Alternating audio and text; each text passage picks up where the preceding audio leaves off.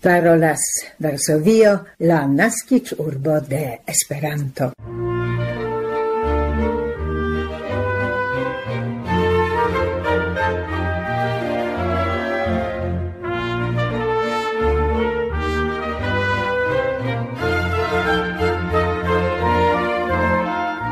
Coran saluton carei gauscultantoi, dimanche la dudecan de novembro 2022 por la 1209 Esperanto elsendo el Varsovio bonvenigas vin Barbara Pietrzak, Gabi Kosiarska, Maciej Jaskot kaj Evico Giacometto, kiu de kelka tempo presentas niajn Esperanto komunumain informoin. Hodiaŭ ni proponas al vi komence kultur kronikain informoin kai kultur folion de Magic pri interesa ekspozicio dedicita alla figuro de renoma pola pentristino Tamara Łempicka. Foto de unu el siei ekspoziciitei bildoj Dan Maciek, akompanas nian hodijavan program informon. Nea felietono kondukas nin al koninda regiono difinata kiel la Pola Polus Centro. La Esperanto komunumaj informoj koncernas la sciencan programon de la dumsemajna virtuala kongreso kaj retoso kaj la in de la traduc traduk-konkurso annoncita dum la memorialo al Lucia Borcic. Nian programon comenzas kultur kronike Informoi.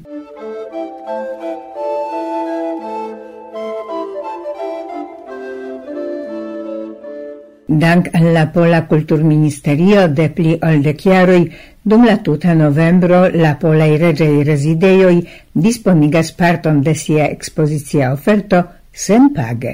La kvanto de rezidejoj kreskas kun ĉiu jaro. Al la klasikaj reĝa kastelo ĉe Wawel Altaĵo en Krakovo, la reĝa łazienki parko, la muzeo palaco de reĝo Johano Latria Sobieski kaj la reĝa kastelo, ĉiuj tri en Varsovio, Alla visitindai en la lasta iaroi aldoniris museoi en la reĝaj rezidejoj en la urboi Sandomierz, Lublin kaj Malborg. Krome la sal castello en Viliczka. nuniare alla vizo de la reĝaj visiteblai sen page en novembro aldoniris la regia castello en Poznań, castelloi en Kwidzyn kaj Sztum, la filioj de la castella museo en Malborg. La visita offerto ne limita sole al rigardo de constantaj kaj porokazaj ekspozicioj, sed krome proponas klerigajn renkontiĝojn, prelegojn, konferencojn, laborrenkontojn kaj muzeajn lecionojn.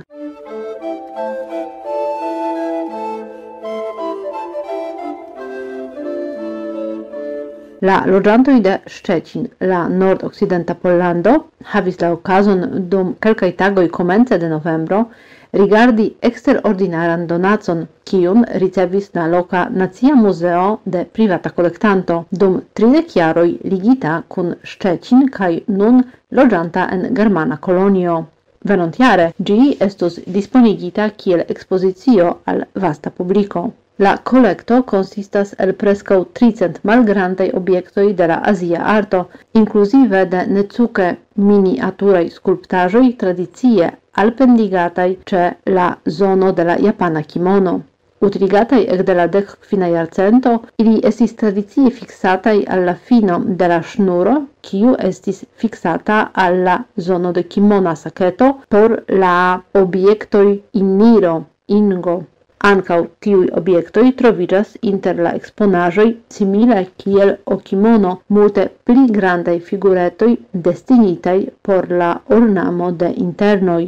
La karakterizaĵo de la kolekto estas ke ĉiuj objektoj estas faritaj el diversspecaj ostoj. Temas pri ostoj elefanta, mamuta, bubala, kamela aŭ rozmara. La kolekto estas tre varia, sed samtempe formas koheran tuton, inauguris din antau iaroi la bura figureto de Budho acetita en la vendejo Orient en Szczecin.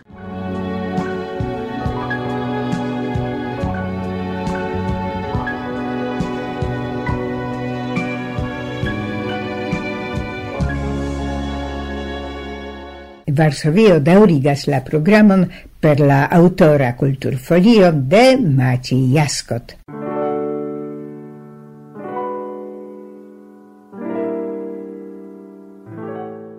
Kulturfolio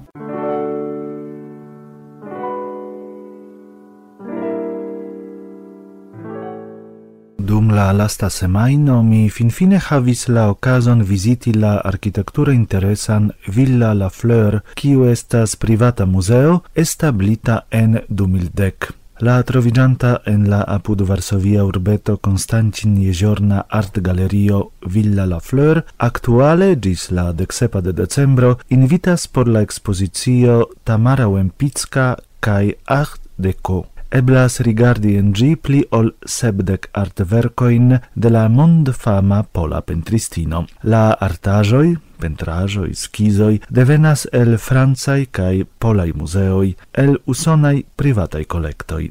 Apenau mi alvenis, mi tui rimarcis amason de personoi attendantai sian vicon por aceti la enirbiletoin, ciuin, bonchance, mi acetis rete quelcain tagoin antaue. Ne mirige che la exposizio vecas tioman interesigion. Gi clare montras la talento evoluon cae carier voion de Wempicka, do krom veci estetica in travivajoin, gi sendube havas grandan educan valoron. Admirinda estas sciai fruai aquarelajoi, plurai crocizoi, inter ili tiu por la fama pentrajo mem portreto en la verda Bugatti, apud kiu estas montrita la revuo Didame el 1929, sur kies covrilo aperis la fama pentrajo. La expozicio tre detale presentas la vivon de la pentristino, kies harbuklo, vestajoi, chapeloi, juvelajoi trovigas en apartaj vitrinoi. Substrecenda estas la aranĝo de la ekspozicio mem, tre bone planita kaj teknike perfekta. Oni zorgis pri detaloj kaj klaraj priskriboj de la eksponaĵoj. Oni ne forgesis pri taŭga prilumo, ebliganta al logan prezenton de la unuopaj artaĵoj. Mian atenton captis ancau grandega foto presentanta la internon de la laboreio de Wempicka. Videbligas sur gi mebloi, la samai trovigas tute apude. Fakte Marek Refer, la privata art collectanto, dank al kies iniciato Villa La Fleur comencis roli kiel referenco punkto por artamanto en Pollando, acetis ilin en 2022 en Parizo. La collectanto en sia privata collecto havas entute dec du oleopentrajoin de Wempicka, same kiel sciain desegnajoin, cae antaumilitain graficajoin. La qualito de la expositioi organizitai en Villa La Fleur estis reconita en 2012 per la prestigia Felix Jasinski premio, establita por honori la plei grandan polan collectanton, kiu en 1912 donacis al la pola nazio proximume dec quin mil artajoin, inclusive de elstarai vercoi de mondai artistoi.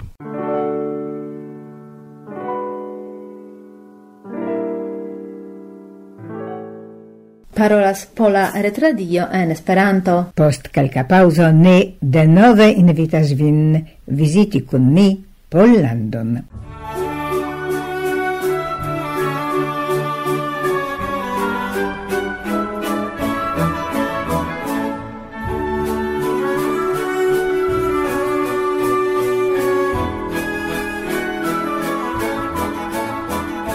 Post longa autuneca varmo Venis la sezon periodo cun draste malaltigintei temperaturoi, venis neggio cae ec frosto en iuj landopartoj. Do hodieu mi invitas vin, gesinjoroj, alla regiono cie la vintro estas la plei malvarma. Temas pri Suvalki regiono en la nordorienta parto de la lando, cie mesuma temperaturo en februaro egalas al minus kvin ses Celsiusei gradoi, dum en la aliei landopartoi oni notas froston egalan al nur 1 gis 3 minusei gradoi.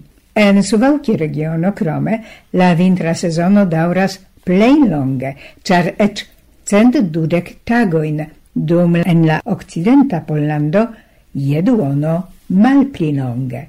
La mezzotavolo en la pola polusa regiono conserviras dum pli ol cent tagoi, cae mesuma pluriara mezzotavolo estas quinoble pli dica ol aliloque.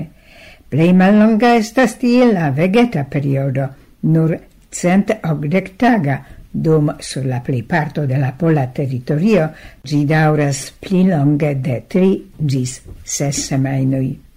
Ĉu klimatologio plene klarigas ĉi tiun fenomenon? La faritaj antaŭ kelkaj jaroj ne tro profundei geologiei boradoi en la regiono de la proxima villaggio Scipliški iom levis la curtenon rilate tion. En la profundo de circa 350 metroi geologoi rencontis spuroin de la glacera epoco, dantau pli mal pli dec tri miliaroi Surgrunde de daŭre malaperis, sed ne citie. Lau la geotermei modeloi, en la tia malprofundo ni devus attendi la deksepgradan temperaturon, sed gi egalas al sep centonoj de la Celsius grado. La grund borado en la proximezzo de Sepliski confirmis crome alian hipotezon, kiu formulita en la okdekaj jaroj ŝokis En la nord-orienta parto de Pollando conservigis fragmento de la tiel nomata ciam frosta grundo, relative vasta parto glaciiginta dum la glacera epoco, quiu gis nun ne degelis. La nomo de la pola polus regiono ligiras cum la nomo de la cefa cae la plei grande urbo Suvalki, ricevinta la urboraitoin en 1715. Cio ci dank al Romualdanoi, catolicai monacoi, qui tie establis setlejon cae clostron ce la lago Vigre. Crom Suvalki, ili establis ancau villagioin, bienoin, construigis voioin. Nun la clostra complexa estas loco de multei laikaj culturei eventoi, sed quancam ne plu vivas cae pregias en gi Romualdanoi, dank al la zorgo de la locaj religiaj autoritatoi, estas en la malnova klostro organizataj interalie skipaj spiritaj eventoi, dum kiui la interesigiantoi povas dedici tempon al contemplado kaj meditado. La apuda lago Vigre, uno e la plei profundaj cae plei puraj polei lagoi, difinata lago con cristala profundo favoras distanciĝon dis de la ciutaga bruo. Suvalki regiono karakteriziĝas per eksterordinara sovaĝa naturo. Multei faunei cae flaurei specioj heimas en la tiai tri naciaj parcoi. Gian Charmon influas la facto de maldensa enlogiatezzo de la regiono cae malforta urbanizo dank al tio cie oni constatas la spir raban naturon. Kun la regiono ligiras multei legendoi. Mi electis tion pri tio, kiel la fisho coregonus lavaretus, alivorte lavareto, multigis en la lago vigri. Cai tio casis tiel. Monaco Barnaba, quiu plenumis la tascon de monaca cuiristo, vivis en la tempo ciam la clostran ermiteion ce vigri lago gvidis la italdevena prioro. Li ege satis fisoin, sed ne bongustis al ni tiui en la lago. Li revis pri il lavarello en la italei lagoi. Li tion tedis Barnaba per sia menua revo, che la monaco sen espere cae sen pripense cris Iam al diablo mi vendus la animon por aciri lavareton por la prioro. Ne necessis longa attendi. Tui impete invadis tra la malfermita fenestro la cui reion vigre diablo, offerinte sian servon, evidente, contra la monaca animo, cae promesinte liveri la fission dum unu nocto. Barnaba consentis, condice, che la fison la diablo liveru antau la matenigio. Li ruse calculis che la diablo ne successo serveni antau la coco crio ciam la diabla forto malaperas. Cai se ne, ciel vivis en la animo. La enzogigintan Barnabon rencontis la prioro. La monaca quiristo confessis sian pecon. La prioro ec malgiois, cae tui comencis cerbumi kiel savi la monacan animon. Li vagis enzorgita tra la clostrae corridoroi, gis ciam la antaumatenigio ingis la cielon roscolora. La prioro suriris la clostran turon, cae stonigis pro la horroro, vidante la nigran diablan figuron al fluganta. Subite audigis la sufloro. Batu la sonorinoin, prioro! Li captis la sonoril snuroin, cae la sonoril tonoi plenigis la aeron.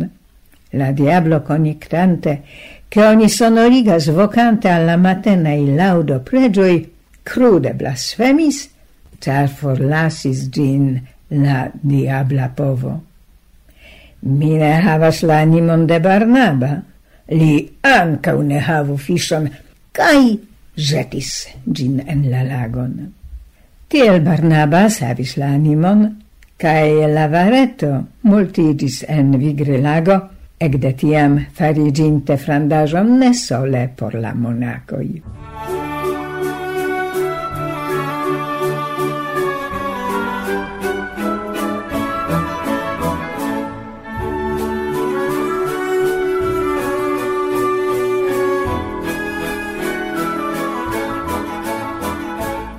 parolas Esperanto Radio Varsovio.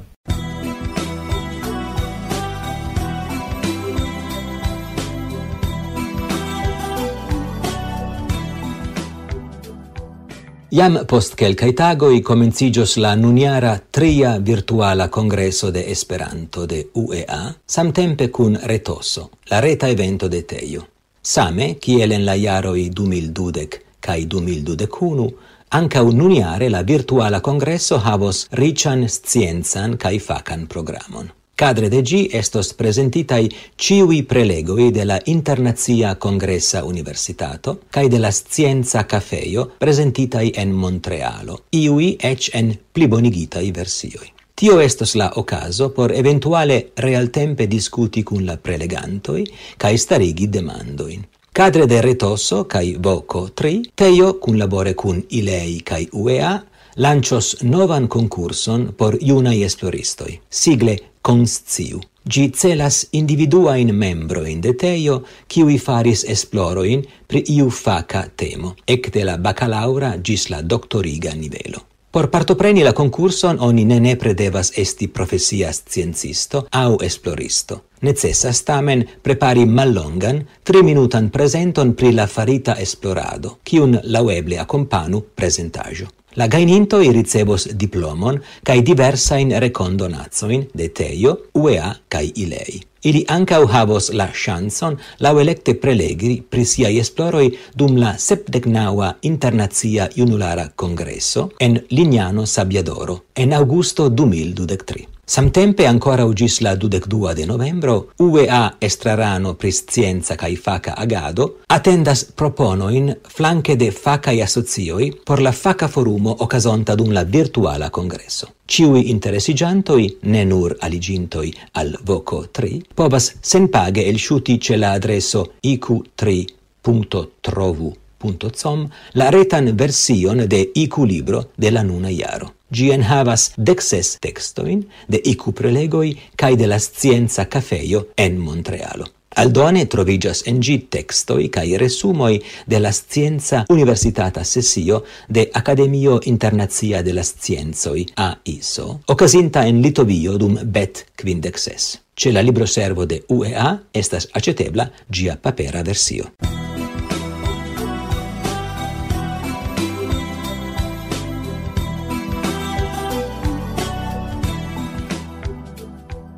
Care auscultantoi, ni esperas che multei el vi partoprenos, kiel ni la virtualan congresson, dum gi estas planita ancau movada foiro, en kiu ni ancau partoprenos.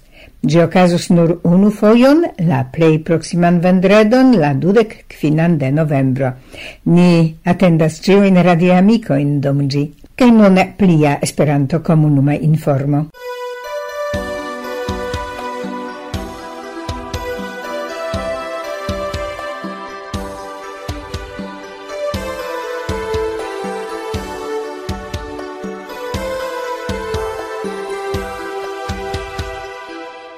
La decvaran de novembro 2022 ocasis la iam tradizia memor conveno de Croata Esperantista Unuigio honore al Lucia Borcic, conata croata Esperanto activulino, verkistino kai tradukistino. Post la presento de sia silueto kai activadoi fare de Maria Belosevic, oni annoncis la resultoin de la sesa traduk concurso Lucia Borcic de Croata Esperantista Unuigio. Por ambau branĉoj venis dudec du concursajoi, tradukitaj el sep lingvoi, cae unu dialecto. En la brancio poesio, la unuan premion gainis Manuela Ronco el Slovakio pro la traduco el la itala de la poemo Sur la bordo de la Viv de Antonia Pozzi. La duan premion ricevis Stella Besenji Merscher el Hungario pro la traduco de la poemo Oriente Europa Triptico de Cristina Tot, originale verkita en la hungara lingvo. La tria premio estis aliugita al Nicolino Rossi el Italio pro la traduco de la poemo Ella Itala Insulo de Pierluigi Cappello. En la brancio proso, la unua premio iris al Antonio Riccio el Italio pro la traduco el la itala de la racconto Camparana i Vesperoi de Pierpaolo Pasolini. La duan premion gainis Nicolino Rossi el Italio pro la traduco el la latina dialecto de la racconto Urtico de Laura Vacciano. Crome estis aliugitai du egal rangai triai premioi. Ricevis ilin Brandon Sowers el Portugalio pro la traduco del racconto Tiwi kiwi promenas for de Omelas de Ursula K. Le Guin el la Angla. Maria Rosaria Spano el Germanio ricevis la premion pro la traduco el la Itala del racconto Io, kio comencigas per lo de Dino Puzzati. Crome, dum la ocasinta per Zoom memorialo Lucia Borcic, estis annoncitai la resultoi de la tria fotoconcurso Croatio de Via Oculo, al kiu dec partoprenantoi el Bosnio cae Erzegovino, Cehio, Francio, Germanio, Hungario, Italio cae Coreio al sendis sesdec tri fotoin. Decoc premioi cae unu laudo estis attribuitai en la categorioi urboi, naturo, sacralai temoi, monumentoi, homoi cae vivo, historio, historiai esperanto-movadai fotoi. Dank al la organizantoi, al Maria Belosevic, ni presentas al vi la unuan premion en la brancio poesio. Gainis ĝin Manuela Ronko el Slovakio pro la traduco el la itala de la poemo Sur la bordo de la vive de Antonia Pozzi. Dum la memoriala evento cae nun recitas ĝin Edvige Ackermann.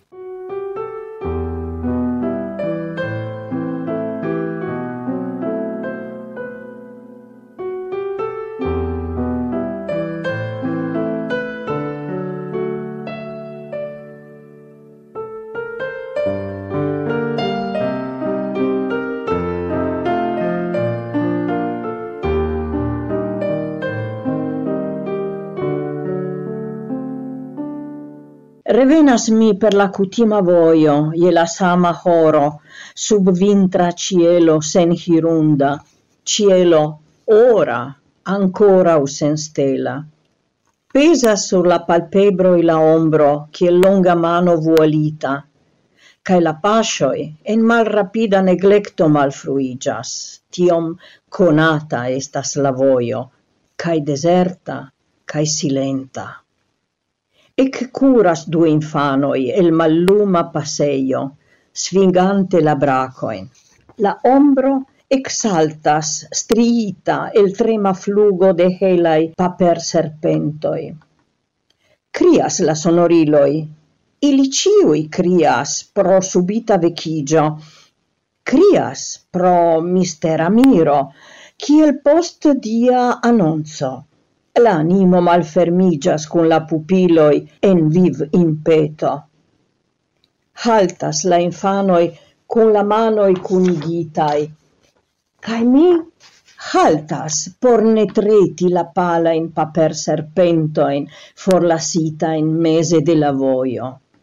Staras la infanoi cantante per malforta vocio la altan sonorilan canton, cae mi staras pensante min sen mova ci vespere sur la bordo de la viv, kiel aro da juncoi, chi tremas apud aquo iranta.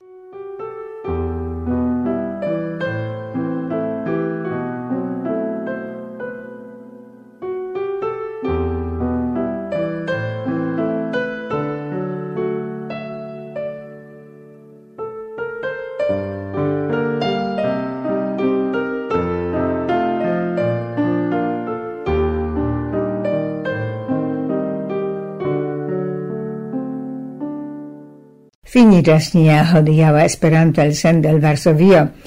Ĝis la sekva renkontiĝo, gesinjoroj. Ĝis baldaŭ!